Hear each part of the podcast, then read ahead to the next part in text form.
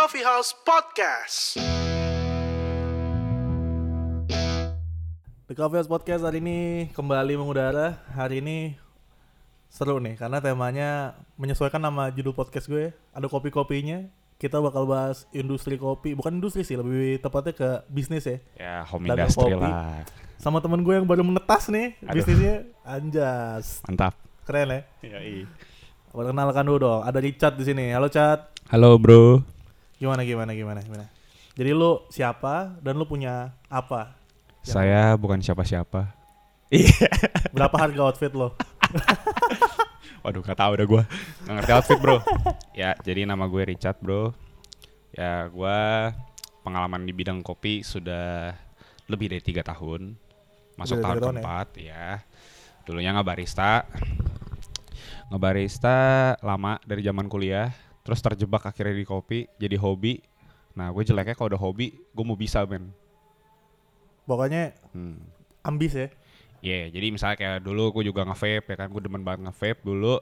Gue mesti tahu nih pretelannya gimana. iya, sempet buka vape store kan lo? Iya, betul. Gue mesti tahu nih pretelannya dalamnya kayak apa sampai dalam. Pokoknya gue sampai bisa sampai ngerti gue. Nah, kalau udah hobi begitu. Nah, ini kebetulan di kopi ini gue kejebaknya dalam, Bro. Dalam banget ya. Kedalaman. Dalam Nyebur. jadi emang jadi suka dan ternyata luas banget yang dipelajari mesti banyak.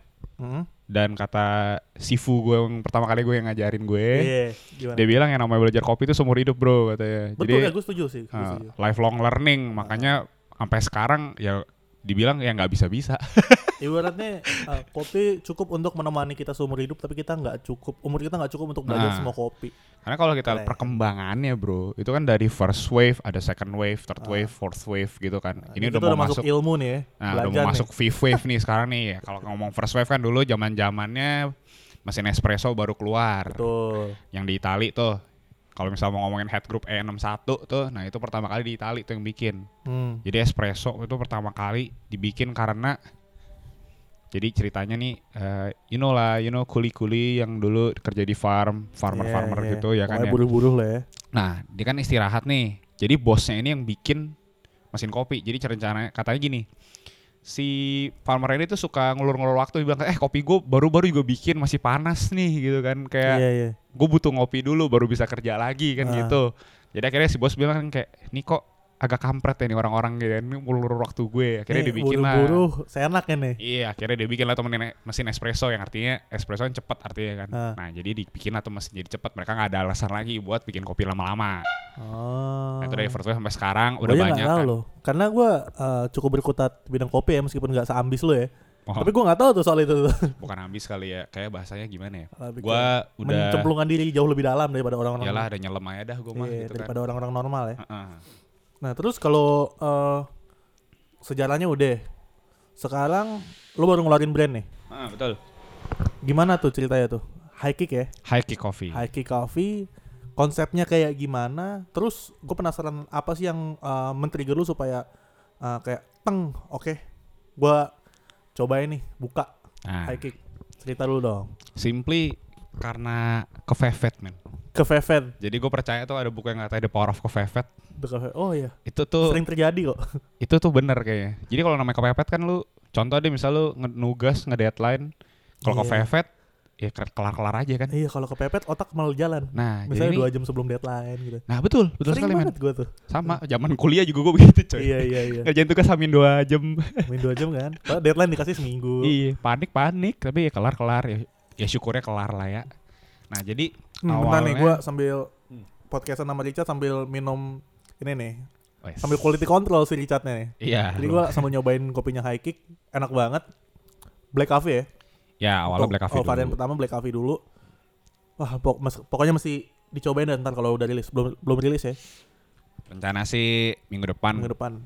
Kita barengin aja sama nih podcast apa ya. Jadi Boleh, produk lu boleh. dijual, podcastnya rilis. Boleh. Keren. Keren. Ya, balik lagi ke ini tadi. Apa namanya? Cerita lu? Hmm, jadi high kick itu awalnya gue mikir kan gue ngebarista udah lama, gue udah ke coffee shop Hmm. coffee shop muter-muter Iya. Kerja atau jadi customer pun gitu kan istilahnya gue juga Udah melalang buana lah ya. Iya, pengen banget gitu kayak kayak keren nih gue mau yang coffee shop satu gitu kan buat Ah. menyalurkan hobi gue sekalian making money gitu kan. Betul. Nah terus ya ini di, di keadaan di Indo kan memang rata-rata bisnis lagi pada turun gitu-gitu segala macam dan gue tahu coffee shop tuh modelnya nggak murah men Iya, mesinnya aja udah nah mesinnya udah puluhan lah ya Iya, puluhan juta ya kan mepet-mepet 100 jokut sendiri kan. Nah, ya, itu baru mesin, belum grindernya, Belum. ya kan, belum ada kita mau bikin barnya, dekornya, kan Nah, sekarang anak-anak kan, interior kan, mahal tuh ya. Betul. Apalagi coffee shop buat Hmm. menciptakan suas- suasana yang cozy, homey gitu kan betul. mahal tuh. Nah itu yang paling penting. Jadi sekarang nih kalau gue lihat nih anak-anak di sini tuh belum belum bukannya nggak ngerti ya, mungkin udah demen nih minum kopi nih. Hmm. Cuma ya yang faktor utama kenapa coffee shop lo rame adalah tempatnya kalau menurut gue sekarang. Yang tadi itu ya suasananya, Ah, interior jadi- segala macam. bukan karena eh, kopinya enak gitu loh. Jadi kalau misalnya gue persen-persenin ya 70% atau 80% mikir ya yang penting tempatnya. Setuju. Ya gue kalau buat kopinya ya ya udah kopi mah minum minum aja asal gue pesen supaya gue kelihatan beli gitu kasarannya ya Iya, iya. Rata-rata kan begitu nah ini yang suka kopi ini ya 20 atau 30 persennya yang benar-benar suka dan pengen explore nah itu model-model kayak gue nih Karena orang-orang itu ini Gitu. kan ya, orang-orang itu eh, ingin mengerjakan sesuatu di tempat yang enak, bukan lagi Betul. pengen minum kopi aja gitu. Ah, ah, enggak bukannya karena hobi gitu jadi Iya. karena ya udah nih gue pengen gue suntuk di rumah atau gimana ya kan gue ke coffee lah, shop gitu. atau ke mana keluar yang penting tugas gue kelar gue nyaman di situ lamaan Hmm. gitu Bukan ah lagi pengen minum kopi nih. Ah, ah, bukan gitu Ya terus? Nah dari situ dan gue juga kepentoknya di modal sih jujur ya. kalau gue lihat kan Ah. ya coffee shop bisa habis 1 m 2 m Betul. itu mah udah bukan rahasia umum deh bro gitu istilahnya kan ada juga yang bikin manual bar gitu kan ya lebih murah sih tapi tetap aja Hmm. lu mesti punya tempat yang bagus mesti tempat yang oke gitu kan Iya. lokasi bagus Hmm. lalu sewa ruko nomor berapa gitu kita di daerah Gading Serpong ruko paling murah berapa cuy ya kan 60 juta lah Ya setahun usah bahas ruko lah ya karena nyesek jatuhnya. Betul, makanya gue bilang ini kan costnya tinggi sekali gitu loh. Nah ini gue ngomong pakai agak bahasa bisnis ya. Ini costnya tinggi. Nah gue harus mikir gimana caranya gue create something yang costnya rendah tapi produknya tuh bisa dinikmatin orang. Salah satunya cold brew. Cold brew. Kenapa cold brew? Karena nggak butuh mesin. Eh belum butuh lah ya, belum butuh. Kalau misalnya yang kapasitas gede sih ya, misal liternya udah apa lu produksi udah sampai ratusan liter ya mungkin lu Hmm. butuh mesin. Tapi ya gue start with home industry dulu, start small untuk mengurangi resiko dulu gitu loh. Hmm. Nah jadi ya satu karena modalnya ya memang gua maunya mainnya yang sedikit. Ya ini akal-akalannya gua aja lah Iya, ya iya, gitu pokoknya kan. teknik lah ya. Teknikalnya jadi gua bikin high kick ini karena gampang aja gitu buat gua kayak lebih simple lah ya daripada gue beli mesin Hmm. ya kan. Tuh risknya tinggi gitu loh. Gitu sih awalnya karena ke Vevet itu. Terus kalau dari filosofi high kicknya sendiri kayak gimana tuh?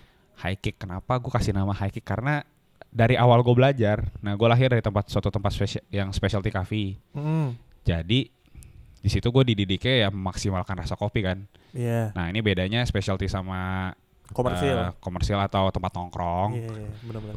intinya kalau udah ngaku coffee shop ya kopinya harus proper kan ya harus proper di Betul, kan betul. Nah specialty ini bedanya cuma dia sesuai notes. Misalnya nih dia ngomong nih ada kopi dari mana, notesnya yang bakal kok rasanya coklat, fruity, eh nati misal gitu kan. Ya itu lu mesti bener-bener keluar, si customer mesti bener-bener ngerasain itu rasanya itu specialty. Jadi lu bener-bener Hmm. mesti sesuai banget nih sama notesnya nih. Iya, lu iya. ngomong apa ya rasanya mesti begitu gitu kan. Ya memang lebih susah. Nah gue dilatih di environment seperti itu. Lalu kopi-kopinya rata-rata kencang-kencang semua men. Jadi Hmm, istilahnya ya bikin nge-high. bikin nge-high. ya, gitu. Pokoknya nge-kick banget gitu ya. Ya, jadi pas itu pas minum lu nendang tek busetnya kopi kencang amat gitu kan. Nah, kayak tadi kan lu udah deg-degan kan, men? Ini gue deg-degan nih sekarang nih Nah. habis nyobain black coffee-nya dari high kick nih. Ya, kayak gitu. Jadi karena itu gua udah kebiasa sama kopi-kopi yang bodinya tebel, yang kencang Hmm. gitu loh. Kalau gue sih udah kebal, men. iya sih, gue juga kebanyakan kebanyakan minum kopi-kopi latte, kopi susu gula aren segala macam tuh yang lagi ngehits-ngehits itu. Sekarang nyobain kopi yang nendang ini baru deg-degannya berasa lagi kayak udah lama gue nggak merasa deg-degan Eh. minum kopi itu. Tuh. Ah. Cuma di sini high kick itu nggak, gua nggak bilang specialty ya, karena Hmm. gue maunya ya karena apa cold brew juga itu kalau secara scientific eh bukan scientific apa ya? Secara fakta lah ya. Ah. boleh di search di Google juga. Ya ini substance yang ke ekstrak itu lebih apa ya lebih terkontrol gitu loh. Jadi Hmm. kayak acidity-nya nggak terlalu ke ekstrak full. Terus ada beberapa kandungan-kandungan yang kalau di air pan pakai air panas seduhnya ke ekstrak di sini enggak jadi lebih apa ya sebenarnya lebih friendly lah buat orang-orang yang Iya, iya, baru iya. mau minum kopi gitu. Heeh. Satu hal lagi yang gue pikirin kenapa? Karena lebih handy aja gitu kayak misal lu mau pergi kantor kerja atau lu mau ke mana ya kan gue jualnya di botol gitu kan ya lu tinggal Hmm. bawa aja kelar men Jadi nggak perlu misalnya beli dulu nunggu terus bawa di Iya. gelasan atau ngisi tumbler gitu ya. betul Hmm, jadi memang lebih ke take away lah jatuhnya gitu Hmm, berarti gua kalau misalnya dengan kayak gitu gua mau nyinggung soal pasar nih. Berarti emang pasar Hmm. lu tuh lebih ke uh, orang-orang yang memiliki kesibukan day to day atau gimana? targetnya sebenarnya sih gue maunya orang kantoran sih jujur Orang kantoran Ah, ya? karena kalau gue liat orang kantoran itu kan ya udah jadi lifestyle juga yang ngopi ya Iya, buat orang benar, kantoran ya benar. Gue juga Nah. merasa seperti itu sih. jujur ya beberapa kali gue ke kantor-kantor gedung-gedung kantor gitu ya coffee Hmm. shop paling cuma satu gitu kan terus itu pun di lantai dasar nah itu Hmm. kalau yang di lantai 30 mesti turun dulu baru belikin gitu kayak PR gitu ya. PR ya gitu kan. Ah. atau sekalian mau keluar gitu kan tapi kalau dia mau ngopinya pagi gimana kalau misalnya udah agak telat gitu gue mikirnya Oh, ya kenapa nggak pakai botol aja udah lu bawa gitu kan so pasti di kantor ada pantry ada kulkas tuh Iya, Nah, lu iya. bisa taruh kan Benar. jadi benar. lebih utility lebih dapat aja gitu kalau menurut gue Emang berarti pasar lu menjangkau orang-orang yang sebenarnya high mobility dan tidak punya waktu ya begitu banyak untuk ngopi meskipun mereka pengen gitu Iya, ya. yang ngantri, mesti ngantri dulu. Iya, iya, terus iya. kalau halo kak silakan mau pesan apa gitu kan lama ya bro. Tapi nggak nggak cuma mereka kan maksudnya Ah, Cuma kalau gitu. bisa sih menjangkau semua kan. Ya maunya sih yang anak-anak yang juga Hmm. suka kopi gitu kan. Karena ya kopi di sini awarenessnya udah ada sih menurut gue. Gitu. Iya, gua melihat orang Indonesia tuh sudah sudah apa sih apresiasi tentang kopinya sih ada sih. Udah Karena ada. makanya mereka eh, berani bayar misalnya kalau di coffee shop coffee shop itu rata-rata misalnya kayak cappuccino 30 ribuan, 35 ribu Hmm, sampai hmm. 40 ribu orang masih mau bayar gitu. Betul. Menurut gua karena itu faktor apresiasi yang udah tinggi sih. Ah, jadi kalau gue bilang sih lebih ke awareness ya karena Hmm. awareness itu mempengaruhi nanti willingness lu to pay gitu Betul. WTP. Nah ini ada ilmunya kebetulan gue lulusan bisnis jadi ya lumayan mengerti lah ya. Pakai akhirnya ya. kepake bro akhirnya awalnya gue kuliah bisnis semuanya nyantai kan ya ternyata kepake gitu loh nah jadi ini willingness to pay itu dibentuk karena orang kayak jadi gimana lu rela bayar sesuatu kan karena lu merasa itu value-nya Tinggi pas buat lu ya. gitu loh Ah, misalnya kayak bilang cappuccino tiga puluh ribu kalau di Gading Serpong sih hitungannya murah murah bener. karena kayak di tempat lain di coffee shop coffee shop yang lain yang udah terkenal gitu kan Ah. ya pasti 40 plus lah gitu loh Bisa gocap malah di Iya. yang ini yang lambangnya hijau-hijau itu. ah iya Bisa gocap cuy. nah betul jadi ya kalau gue lihat ya kualitasnya lebih kalau coffee shop kan lebih enak lah ya kalau menurut gue Iya. karena jatuh-jatuh kan rata-rata idealis nih dia Ah. punya rasanya sendiri Iya, benar. beda kan jadi kayak ya lu bisa explore rasa lebih Pokoknya banyak sesuai gitu. visi sama visinya owner lah ya. betul jadi tuh orang nih sekarang udah rela nih bayar Hmm. kopi ini udah buat beli tuh udah udah rela gitu kan kalau dulu kan pasti mikirnya ya zaman zaman kuliah zaman zaman gue gitu kan gue mau makan aja di warteg lima belas ribu gue mikir ya gitu iya ya. benar. Sekarang Tidak bersahabat Heeh. kantong tuh. gue beli kopi satu tiga puluh ribu gue bisa makan dua kali kan istilahnya gitu Heeh. Nah cuman karena udah awareness sudah ada dan kayaknya ini kopi kok enak kayak gitu kan buat kita nih udah zaman-zaman sekarang kayak udah ada jadi lifestyle ya. Kalau gua rasa sih willingness to pay makin makin tinggi Hmm. gitu. Nah, gue pengen nyinggung soal produknya nih. Yep, boleh. Lu kan pertama kali ngeluarin cold brew nih dan black. Saya bukan cold white, bukan yang lain. Kayak sementara gue melihat banyak banget, mungkin karena efek, mungkin karena faktor terlalu banyak ini ya. Betul. Banyak banget uh, orang buka coffee shop tuh produk unggulannya tuh kopi susu gula aren. Betul. Kalau kopi susu gula gula gula Jawa lah, pokoknya Iya. brown sugar. Heeh, heeh. Tapi kenapa lu kayak melenceng sendiri nih? Kenapa cold brew dulu? Meskipun pastinya lu ntar bakal ngeluarin ada yang lain sih, juga ya. ada. Tapi yang pertama kan cold brew nih. Hmm. Kenapa? Lebih ke filosofis dulu sih gue. Filosofi. Jadi gini, eh sebelum kopi itu ya sebelum jadi latte, jadi yang tambah Yep. susu, sebelum jadi kopi susu gula aren, base-nya apa sih? Espresso kan. Espresso. Biasanya pasti black coffee-nya dulu kan, Benar. kopinya dulu kan gitu. Makanya gue rilisnya kopi hitamnya dulu. Kalau gue udah bikin kopi hitamnya udah enak, di lidah orang udah, udah bisa diterima Udah gitu cocok ya. gitu ya. Berarti susunya emang gampang ngikutin. Yang kopi-kopi susu mah gampang, pasti ngikut gitu loh. Gue tinggal bikin rasa aneh-aneh aja, nggak yang kayak pasaran kayak gula aren gitu kan pasaran banget ya. Ah, iya gitu ya. benar-benar. Kayak sekarang semua coffee shop juga tuh punya lah tuh yang namanya aneh-aneh pun gitu banyak gitu kan. Jadi lu lebih memilih untuk eh, ke back to base dulu ya. Maksudnya dulu. kalau lu percaya kalau misalnya oh lu mau kuatin di basicnya dulu. Kalau misalnya Yes. basicnya bagus, nanti yang lain ga- gampang gitu ya. Iya benar.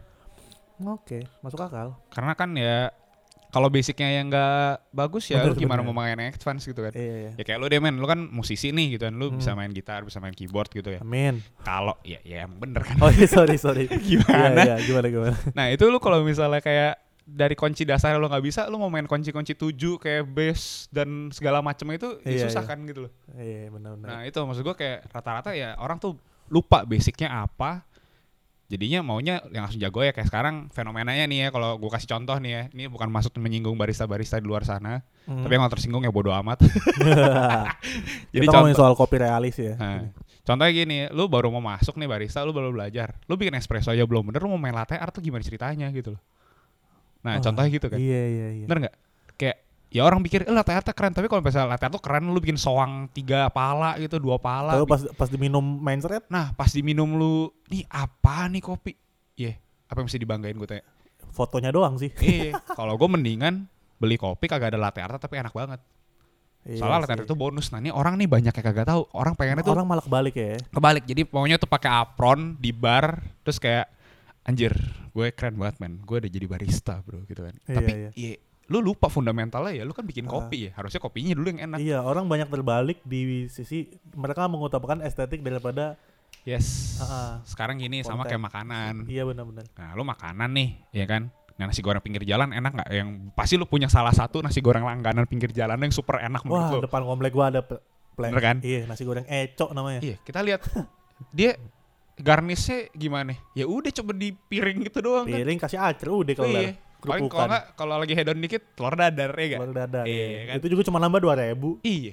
Nah itu menurut lu dilihat di mata enak gak sih? Kagak. Kecuali lu Kagak. lagi lapar ya. Iya, iya. Iya gak sih?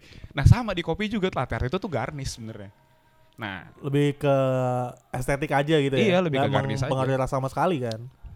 nah itu cara pouringnya sebenarnya ngaruh sih. Kalau Iya. ngomong specialty Oh iya, sebenarnya iya, ngaruh. Tapi kan nah lu bisa sampai tahap itu lu ngerti kayak gitu berarti lu mesti ngerti dong nih kopi yang enak nih sebenarnya kayak apa sih gitu. Betul. Nah itu dulu tuh basicnya dulu tuh. Jadi jangan buru-buru mau langsung kayak penting latte art keren gitu ya. Nah gue berani yakin di sana yang juara ilak tuh International Latte Art Championship itu tuh semua juga mulainya pasti espressonya lu mesti enak. Baru dia bisa latihan seenak jidatnya dia tuh bikin-bikin Hmm, pattern kayak sekarang iya, udah iya. bikin monyet lah, udah bikin kelinci, unicorn, bodo amat Bener sih. Da, lagian juga kalau misalnya espresso lu espresso lu rusak misalnya kremanya hancur Yes. lah, lu bikin latte art juga hancur pasti. Iya, itu maksudnya kayak gitu loh. Jadi mesti tahu dulu nih Kan basicnya gua pakai dulu. bahasa-bahasa kopi nih kayak krema, Yes, kan espresso, latte art. gitu. Ya gue sih Hmm. nggak tahu sih mungkin ya di luar sana ada Semoga orang kopi. yang ngerti dah. Iya yang bilang mungkin yang yang pendekar-pendekar Ya. Ya lo inget lah, pasti iya, ada iya. kan di setiap coffee shop gitu kan. Masih banyak bro. Itu bakal bilang katanya nih orang lebay lah apa bodo amat men. Tapi memang namanya back to basic itu fundamental Hmm. itu tuh penting, Betul. penting banget. Dan kita kalau ngomongin kopi sih menurut gue kita nggak bisa setengah-setengah ya. Maksudnya kalau misalnya lu nyelam nyelam sekalian, Iya, iya, betul. ya kan? Jangan kayak gue, gue setengah-setengah nih hitungannya masih. Soalnya gue inget banget kata Sifu gue itu tuh, ya gue panggilnya Sifu aja lah ya. Dia pertama kali gue ngomong, gue pengen belajar gitu ya, karena ya kejebaknya gitu. Gue nyobain beansnya kan, gue nggak tahu dulu kan beans mah paling berat menurut gue tuh Arabica, kalau nggak kapal api kan. Gue udah minum kapal api tuh, minum kopi hitam, gue udah laki banget men. Iya iya iya. iya. Ternyata gue bencong coy. Tapi jadi gimana ya? Waktu itu gue cobain dari sini ada dari Gayo lah, Sidikalang, Mandeling, Ah. or whatsoever tuh banyak banget kan beansnya ya. Gue cobain satu-satu dan gue ngeh, nih kok rasanya beda-beda ya, lucu ya gue bilang. Ternyata kopi tuh unik ya. Wah Akhirnya, banyak banget coy. nah akhirnya gue bilang kan, yaudah deh, koh gue mau belajar gue bilang. Lo gak usah gaji gue gak apa-apa, gue part time, penting gue bisa, gue mau belajar aja gitu. Gue pengen tahu nih kopi nih kayak apa sih gitu. Pertanyaannya simple, lu mau belajar sejauh apa katanya. Terus gue ngomong lah, gue mau sampai bisa gue bilang. Nah itulah kesalahan terbesar dari hidup gue. Gak sih gak nyesel sih tapi ya Karena sampai sekarang belum bisa gitu. Iya. ternyata Lo sampai mati kayak nggak bisa gitu. aduh belum bisa. banyak banget men dari Iya benar. dari hulu ke hilir tuh prosesnya panjang. Betul. Terus sampai yang setiap cup lu nikmatin di coffee shop atau yang di sini nih. Itu yang lu- prosesnya panjang banget. itu panjang men. Panjang banget. Gue juga pernah menghadiri seminar tentang kopi ya waktu itu ada di kantor gue. Gue yang dokumentasi, sekarang gue belajar kan. Memang panjang banget. Eh narasumbernya waktu itu dia punya roastery di daerah Depok. Mm. gue lupa namanya.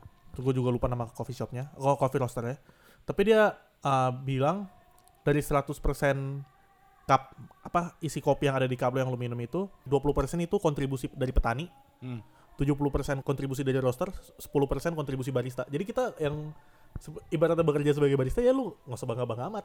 iya, karena lu 10% doang bro karena gitu. iya karena value lu di dalam se- secangkir kopi itu cuma cuma segitu. Ya, betul. Kalau mau dijelasin lebih detail lagi panjang. Wah, panjang banget. Dari petani, lu masuk ke kan abis panen gitu ya. Iya. Ada yang namanya prosesor. Heeh. Nah itu tuh kalau misalnya lu dengar ya full wash, semi wash, Iya, nah itu tuh natural. prosesornya. Ah. Jadi ada yang wet proses, dry proses. Dari Itu situ banget. Mungkin ke tengkulak dulu atau ke eh, komunitas petani, koperasi Iya, lah kita koperasi. bilang. Dari situ baru ke roster-roster. Dari roster-roster Di bikin roster juga panjang banget itu. Panjang. Di Nah, lu- rosternya sendiri aja sebenarnya gue pengen belajar cuma kayak betul. Jadi itu profile kan banyak ya. Lu ada yang ah, istilahnya mau gampangnya ada yang coklat-coklat doang, coklat agak tua sama yang hitam gitu kan. Ya Hmm. kita ngomong light roast, medium roast sama dark roast gitu ya. Nah itu juga kerjaannya roaster juga berat karena dari beans yang kayak dia dapat dari di petani ini, iya. dia mau keluarin rasa seperti apa kan gitu. Dan itu dari roster roster itu harus punya visi ya kayak, Iya. kayak kopinya harus seperti ini seperti ini seperti ini gitu. Dan dia bisa ikut, dia mesti bisa ikutin kata yang mesen. Ah, ah. Contoh misalnya gue pengennya yang bodinya tebal, tapi flavornya juga keluar tuh gimana. Nah ntar dia mikir kan tuh nih gue blend yang mana ya gitu. Nah, Apa gue campur nih Arabica Robusta atau Arabica Arabica gue campur dari sini sama sini Iya. gitu kan. Nah dia juga mesti punya knowledge yang dalam gitu loh. Nah kalau buat barista nih sorry to say banget, gue bukan emang rendahkan barista gitu ya. Karena lu juga barista gitu. Karena gue juga barista. Gue juga barista. Barista itu itu yang paling gampang kalau menurut gue. betul, betul. Itu tahapan paling gampang lu belajar kopi itu awal banget. Heeh. Nah, lu kalau misalnya belum ngerti bikin kopi nggak mungkin jadi roaster. Ya kan? Iya, iya, iya. Kalau lu nggak ngerti cara inin green beans nih, lu nggak bisa jadi prosesor. Sebenarnya tuh yang petani sama prosesor itu tuh lebih sulit kerjaannya gitu loh. Iya, iya. Iya nggak sih? Benar, benar. Maksudnya makanya ya dibilang barista keren ya keren. Kalau pakai apron buat foto ya keren sih men gitu. Cuman Balik kalau lagi. itu lu lu balik lebih lu lebih ah, lu lebih mengutamakan estetiknya Iya. apa ilmunya gitu aja. lu mau belajarnya sejauh apa? Pertanyaannya pen- penting sih yang ditanya sama si Fugo itu penting banget. Nah, lu mau belajar sedalam apa? Kalau misalnya mau sampai barista tok, ya kalau kita ngomong real life nih ya, lu barista digaji berapa sih ke depannya gitu istilahnya. Hmm, betul. Lu mau Ya, jadi barista doang. lah. Paling gede lu head bar, lu kalau bisa di paling keren ya 10 15 juta dapat gitu. Cuma masa lu sampai situ doang sih? Gitu Tanggung loh. gitu ya. Iya maksudnya kayak apa? Jadi kayak lu mau berkarirnya seperti apa gitu loh. Jadi jangan berasa kayak udah jadi barista di tempat terkeren gitu kan. Udah bangga. Ya lu ujung-ujungnya bakal mengalami yang namanya ntar orang tua lu nanya gitu kan. Lu mau sampai kapan? Lu nggak kerja kantoran aja gitu. Bener gak sih? Benar, benar. Ya, soalnya ya ujung-ujungnya tuh UUD Sering bro. terjadi itu. Ujung-ujungnya duit. Betul. Aduh. Jadi yang namanya barista itu kalau buat hobi oke. Cuma kalau misalnya lu nggak mau nyemplung, bener-bener nyemplung nih. Ya lu segitu-gitu aja mau jadi apa? Kecuali lu kayak Kecuali kalau misalnya lu cukup jadi penikmat kopi gitu ya. ya kalau itu nggak apa-apa. Bukan misalnya pelaku bisnis kopi atau misalnya roaster. Atau misalnya ada lu ada prestasi misalnya kayak kita ngomong Muhammad Aga Fikir Harja itu kan keren ya. Iya. dia menang barista championship gitu kan. Tapi lihat deh dia nggak cuma jadi barista doang gitu. Dia punya dia pasti ada kerjaannya lain gitu loh. Ya banyak sih kalau gue lihat yang udah jadi keren-keren gitu ya dia bisa bikin coffee shop sendiri. Hmm, mungkin dia punya proyekan apa sama komunitasnya gitu kan. Iya, iya. yang yang jadinya ya makes money-nya yang lebih dari lu barista doang tok gitu loh. Nah gue sih ya gue sih menyadari ya gue bukan barista terkenal, tapi gue pengetahuan kopinya ya kalau buat gue sih ya belum lah belum belum sedalam itu, belum dalam banget lah. Cuma gue cukup berpengalaman jadi gue tahu nih gue mesti ngapain kalau kopi itu gue mesti apain Hmm, ya gue hmm. tempuh lah gitu kan. Dan gue milihnya ya gue jadi pebisnis aja gitu loh, jadi entrepreneur. Jadi ilmu lu pas kuliah kepake, hobi lu juga kepake gitu ya. Yes, jadi ya do what you like ya udah. Do what you love and love what you do, anjir. Iya, gitu loh. Nah, tapi kita dari tadi ngomongin soal eh, produk, soal kopinya itu sendiri. Hmm. Menurut lo kayak eh misalnya kita atau siapa pun buka usaha di bidang F&B gitu. Hmm. Dan kalau case-nya lu kan kopi nih. Mhm. Menurut lu harus seberapa dalam sih kayak pengetahuan lu tentang produk itu? sebisa mungkin mesti hatam sih ya. Harus hatam ya? Kan banyak juga kan kalau misalnya orang Hmm. buka F&B dia kuat di sisa entrepreneurnya. Maksudnya dia bisa Iya. jualan, tapi soal produknya sendiri dia mungkin belum terlalu ini hatam. Nah, Dan kita bicara soal kopi kan kayak luas banget tadi kita bilang. betul gitu. betul. Kalau misalnya mau bikin coffee shop ya, kita ngomong bikin coffee shop lah ya. Yang pertama lo harus ngerti ya kan manajemennya gimana, Ah, ya nggak sih? manajemen. Nah kedua, ini produknya ini menu-menunya ini lo harus bisa create sendiri. Ya dong. Iya. Nah sekarang kalau misalnya lo, misalnya oke deh, lo banyak duit gitu, lo, lo orang orang tajir lah, sultan gitu ya. Hmm. Lo bisa nih, lo hire konsultan gitu kan. Nah konsultan tuh nggak murah men. Betul. Satu menu itu yang dia create paling murah sebagus-bagusnya lima ratus ribu. Paling murah ya. Kalau ngomong Hmm. paling murah. Ya kalau misalnya konsultan udah keren mah bisa 2 juta kali satu menu. Nah itu kan cost lagi. Kalau sultan ya bebas. Bebas. Tapi kalau lu mau mulai kayak gue nih yang keadaannya kefefet ya kan. nah lu mesti ngerti nih lu create menu gimana. Tes menu Heeh. Ya kan produk testingnya gimana nah berarti kan kalau kita ngomong tes menu lu mesti tahu dong berarti ini kopi enak apa kagak Iya. Iya gak sih nah gue ngomongin palet lah lebih ke palet lu udah ngerti belum nih kopi tuh rasanya udah enak apa belum gitu loh Hmm. nah kadang menurut kita enak aja kan yang menurut orang belum tentu enak karena yang namanya produk kan nggak bisa menyenangkan semua orang gitu loh Betul. kayak Pepsodent gitu kan iya lagi. iya gak sih Ah, bener loh. Iya dong, maksudnya kayak ya lu nggak bisa nyenengin semua orang dengan produk lo, apalagi kopi kan ya kita ngomong marketnya masih belum luas-luas banget gitu loh kayak Hmm.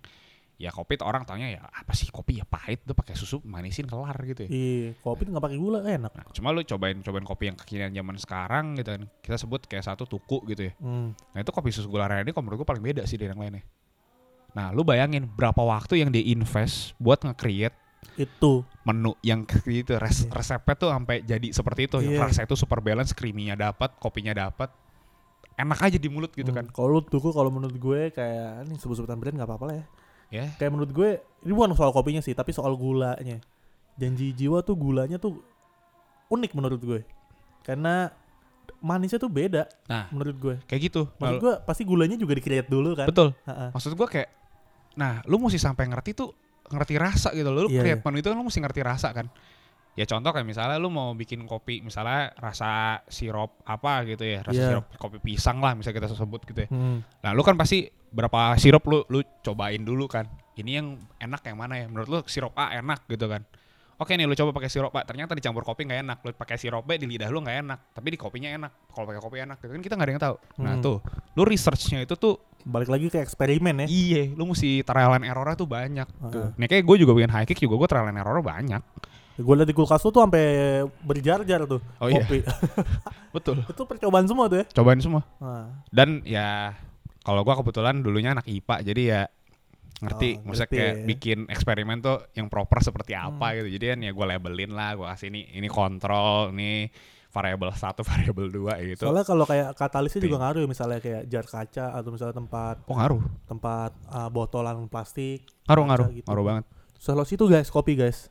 Jadi kayak memang kalau kita Setiap faktornya tuh menentukan ya Heeh. kalau di kopi itu. kalau udah ngerti rasanya lu bakal ngerasain tuh beda ini kok waktu gue bikin di di tupperware gitu kan sama di kaca kok rasanya beda ya gitu ya kok ini Hmm. ini ini aneh nih ini ada yang aneh nih gitu Iya. kan kalau di sini apa kan. nah kan airnya juga air pakai yang biru-biru tuh yang brand-brand biru Iya, terkenal. mau pakai yang biru yang hijau yang oranye juga Ah, ya atau yang- beda Brand-brand merah fat tuh misalnya. Ah, betul fat lagi fit lah udah. ya begitu Jadi uh, oh sama ini ya, kalau misalnya lu tahu soal produk lu, lu gak dibegoin sama bawahan lu ya. oh iya betul Banyak terjadi di kota-kota besar. Kayak Jadi- misalnya udah investor ya ngasih duit aja taunya kan. Ah, ah. Ngasih duit dapat dapat dapat apa? Dapat pemasukan, dapat untung, ya udah tapi dia nggak tahu di bawahnya sebenarnya ngapain. betul Nah gitu kan ada lagu indie tuh gue lupa siapa yang nyanyi intinya nah kalau boleh jahat jangan gitu kan ya. Hmm. Ya kalau misal di posisi lu yang yang pintar lu punya investor ya lu jangan merugikan orang juga lah. iya iya iya. Kayak gue juga kan case nih sekarang gue juga sudah ada kayak develop lagi cuma gue ini istilahnya ya gue ide si investornya uang gitu kan. Hmm. Nah ini gue juga maunya melakukan yang terbaik juga gue nggak mau kayak ya nama gue ntar ujungnya jadi jelek karena itu gitu loh. Betul betul. Ya gak sih? Masa lu mau sih lu bisnis lu gede tapi lu nipu orang gitu kan. Kalau gue sih jujur ya itu prinsipal hidup lah gue nggak mau kayak gitu. Iya. Nama baik itu lebih penting kalau menurut gue. Betul betul. Karena track record lu kan ya lu kalau ke mana-mana pasti ngeliat track record lu kan. Kalau lu bikin sampai mati ya. betul. Istilahnya kayak lu bikin seribu prestasi sama satu kesalahan yang pasti dilihat satu kesalahan bro. betul lagi. Iya Iya. gak sih? Jahat banget emang society itu. Iya, misalnya kayak lu baik lah orangnya segala macam terus di satu saat lu melakukan satu kesalahan terus menurut society ini ini parah nih gitu nggak sesuai nih gitu. Nggak dimaafin lah, nggak nggak Ya termaafkan lah Nah. Ya udah tuh seribu seribu kebaikan lu hilang lupa. saja. Nah, bener.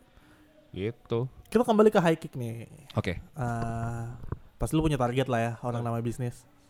Kayak dalam gue gue pengen tahu target lu dalam eh, jangka dekat dan jangka panjang. Misalnya kayak dalam waktu dekat nih lu pengen high kick itu seperti apa?